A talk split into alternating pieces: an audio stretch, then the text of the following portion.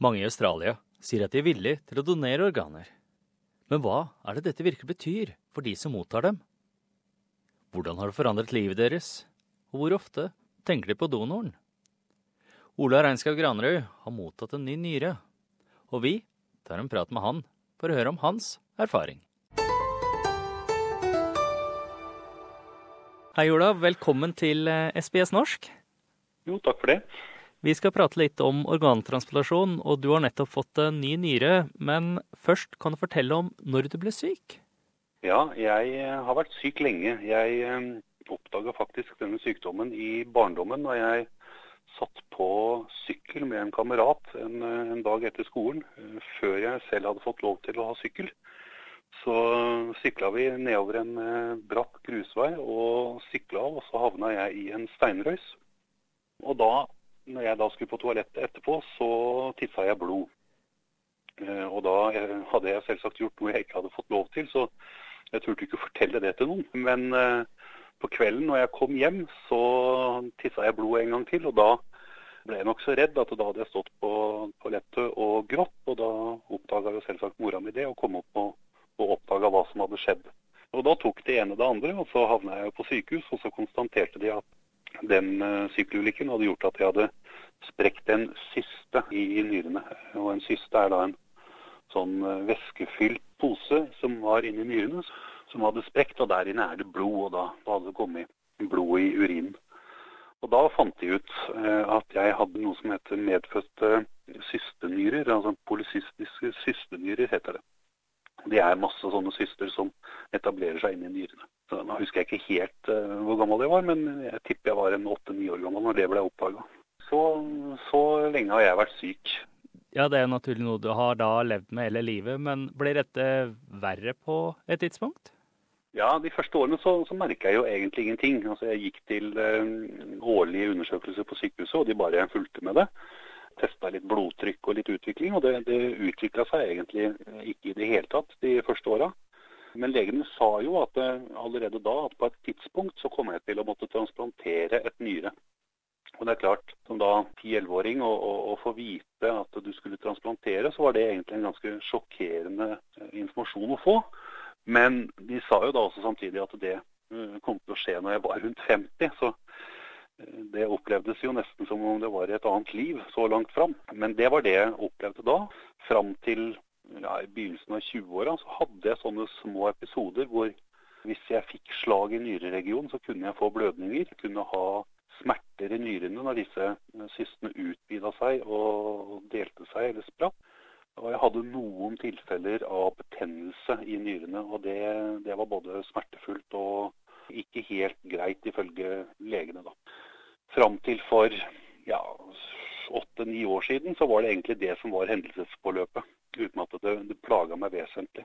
Det eneste som vel plaga meg, var at legene sa at jeg aldri skulle få lov til å kjøre motorsykkel. Og det er klart, i den perioden hvor jeg var i begynnelsen av 20-åra, så var jo det plutselig I hvert fall når de hadde sagt at jeg ikke skulle få lov, så var det et stort issue.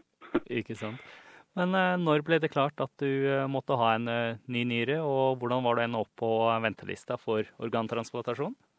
Ja, altså som sagt så gikk jeg jo og, og, var klar over at dette på et tidspunkt kom til å skje. Og så ble kontrollene hyppigere og hyppigere. Og jeg oppdaga jo på et tidspunkt at jeg begynte å, å få litt mage. Og, og, tenkte at nå var det på tide å legge om kostholdet, for det, det hadde jeg jo ikke lyst til sånn i slutten av 30-åra.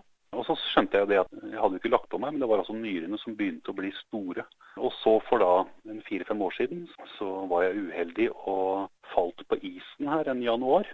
Da sprakk det tydeligvis ganske mye sister, så da lå jeg på sykehuset i mange uker hvor det blødde vesentlig. Og Da sa legene at da var det nok på tide at jeg skulle begynne med dialyse. Fordi da så de på blodverdiene at nyrene klarte ikke å gjøre den jobben som de er satt til å gjøre. Bl.a. å rense avfallsstoffer fra kroppen, så, så blodverdiene mine var dårlige. På vårparten da så ble jeg satt i dialyse for å, å se om det kunne gjøre dagene mine bedre. Og, og, når man settes i dialyse, i hvert fall sånn som i mitt tilfelle, så er det det samme som å si at det er, sånn, det, det er et tidsavgrensa periode fram til man finner en løsning for å donere. Hvordan var livet med dialyse? Det er jo det som styrer livet. da. Jeg begynte jo med, først med to dager i uka.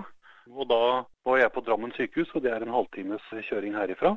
Og når man er i dialyse, så er det en så stor påkjenning på kroppen at uh, etter en dialyse så er kroppen så kjørt at uh, da vil ikke legen at du skal kjøre egen bil engang. Så da var det taxi fram og tilbake.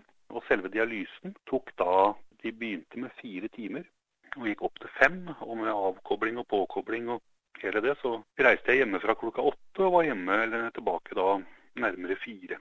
Så det tok jo da hele dagen. Og så var jeg da så sliten at det var å ligge på sofaen resten av den dagen. Mens dagen etter, når jeg våkna, så var kroppen for så vidt tilbake i form, og jeg gjorde vanlige dagsoppgaver. Men jeg kunne jo ikke reise noe sted, for jeg måtte jo være tilgjengelig for dialysen. Og etter hvert så økte det til tre dager, og til slutt til fire dager. Da var jeg i dialyse fire dager i uka. Da, det var egentlig litt som å sette livet på vent. Det var ikke andre ting jeg fikk gjort da. Men så kom eh, din tur for en transplantasjon. Eh, husker du fortsatt når du fikk beskjed om at det var din tur? Ja, det som, det som skjedde for min del først, var jo det at uh, disse nyrene mine de vokste jo og vokste. Så på et tidspunkt så sa legene at nå måtte vi ta nyrene ut. Fordi det er risikofylt å ha så store nyrer som det jeg da på det tidspunktet hadde. Og når de ble tatt ut, så veide de samla faktisk 12 kilo. Og det er ekstremt mye. En normal nyre veier en 100-200 gram. Og når jeg da kom meg igjen etter det, så hadde jeg jo bl.a. da produserte jeg ikke urin, og da, da, er jo kroppen egentlig veldig satt tilbake og helt avhengig av dialyse.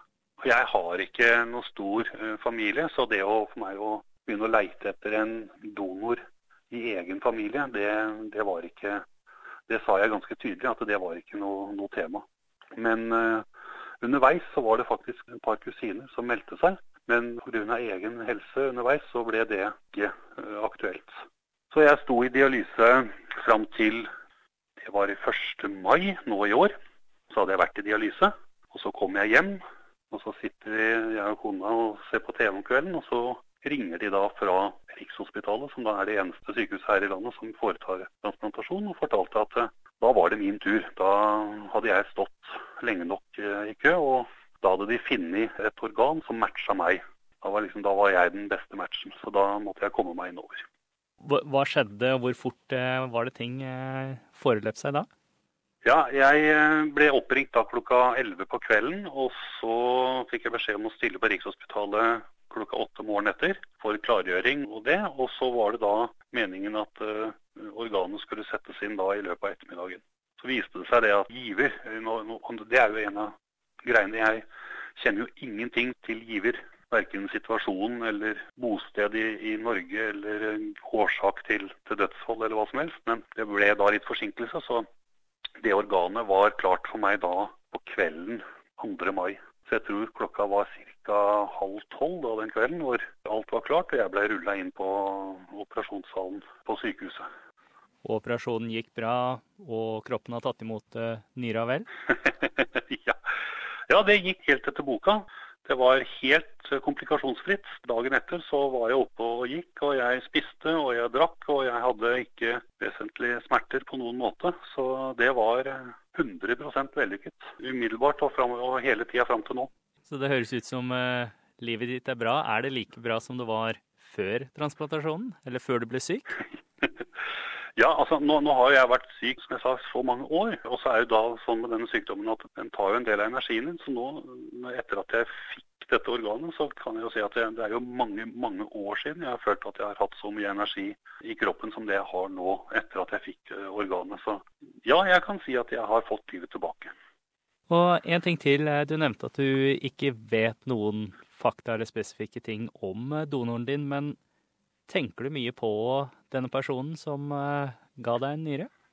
Ja, noe gjør jeg det. Og det er klart, altså, Rett etterpå, når man er på Rikshospitalet sammen med alle andre i samme situasjon, så er jo det litt det man snakker om.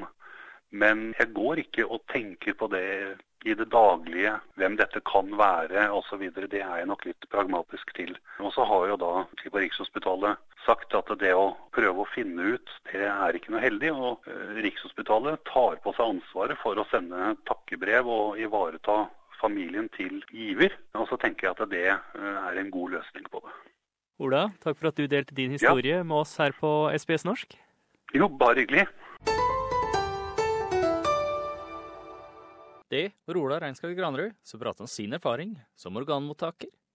Du hører på SBS norsk, og jeg er Frank Mathisen.